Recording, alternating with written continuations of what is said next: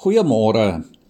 Ons staan stil by die tema van lewe en dankie dat jy ver oggend saam met ons luister. In Romeine 13 vers 8 lees ons die baie bekende woorde van Paulus waar hy sê: "Julle moet niemand iets verskuldig wees nie, behalwe om mekaar lief te hê. Wie sy medemens liefhet, voer die hele wet van God uit." Ons sal almal saamstem vanmôre dat skuld 'n nare ding is. Ons weet dit baie goed. En niemand van ons wil graag in die skuld wees nie.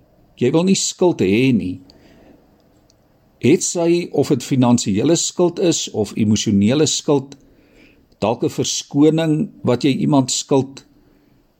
En as 'n mens nie 'n verpligting of 'n verantwoordelikheid iewers nakom nie, dan voel jy maklik skuldig daaroor. Skuld kan letterlik die lewenslus uit 'n mens uittap. Dit kan jou sleg laat slaap. Dit kan jou insluk.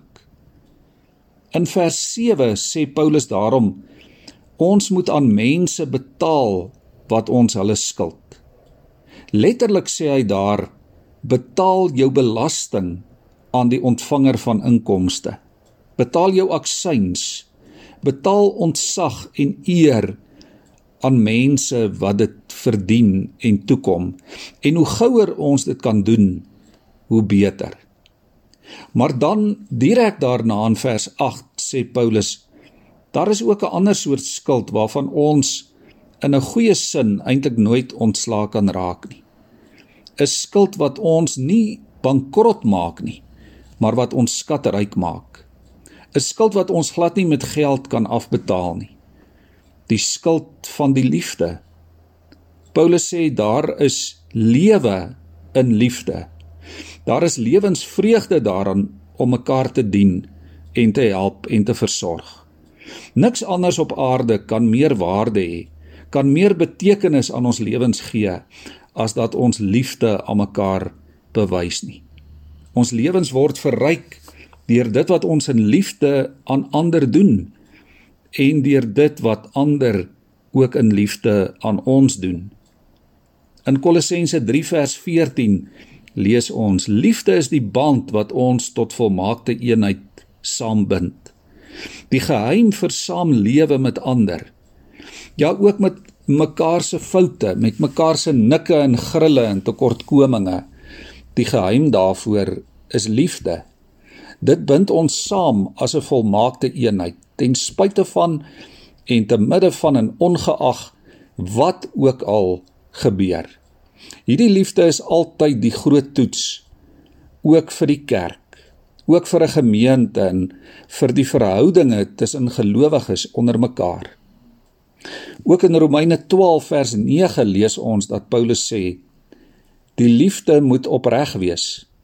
Verafskiet dit wat sleg is. Hou vas aan wat goed is. Betoon hartlike broederliefde teenoor mekaar. Bewys eerbied teenoor mekaar en wees mekaar daarin tot voorbeeld. daarmee sê Paulus opregte hartlike broederlike liefde wat die goeie belange en die eer en die menswaardigheid van ander in gedagte het. Dit moet deel wees van jou en van my lewe. Paulus sê dit omdat hy weet dat alles wat waardevol is in hierdie wêreld kan vervals word. Ook die liefde.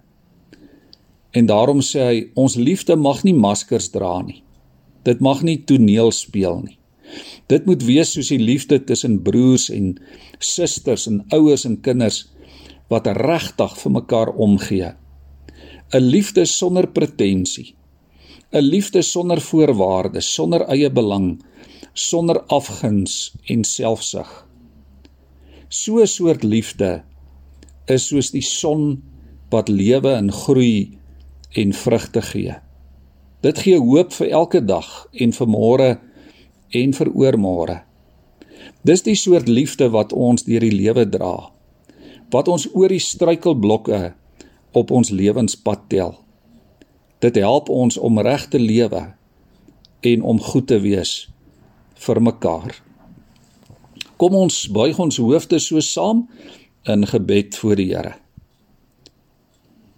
Here, vanmôre weet ons dat soos die natuur en die skepping en ons as mense kinders nie sonder die son kan bestaan nie.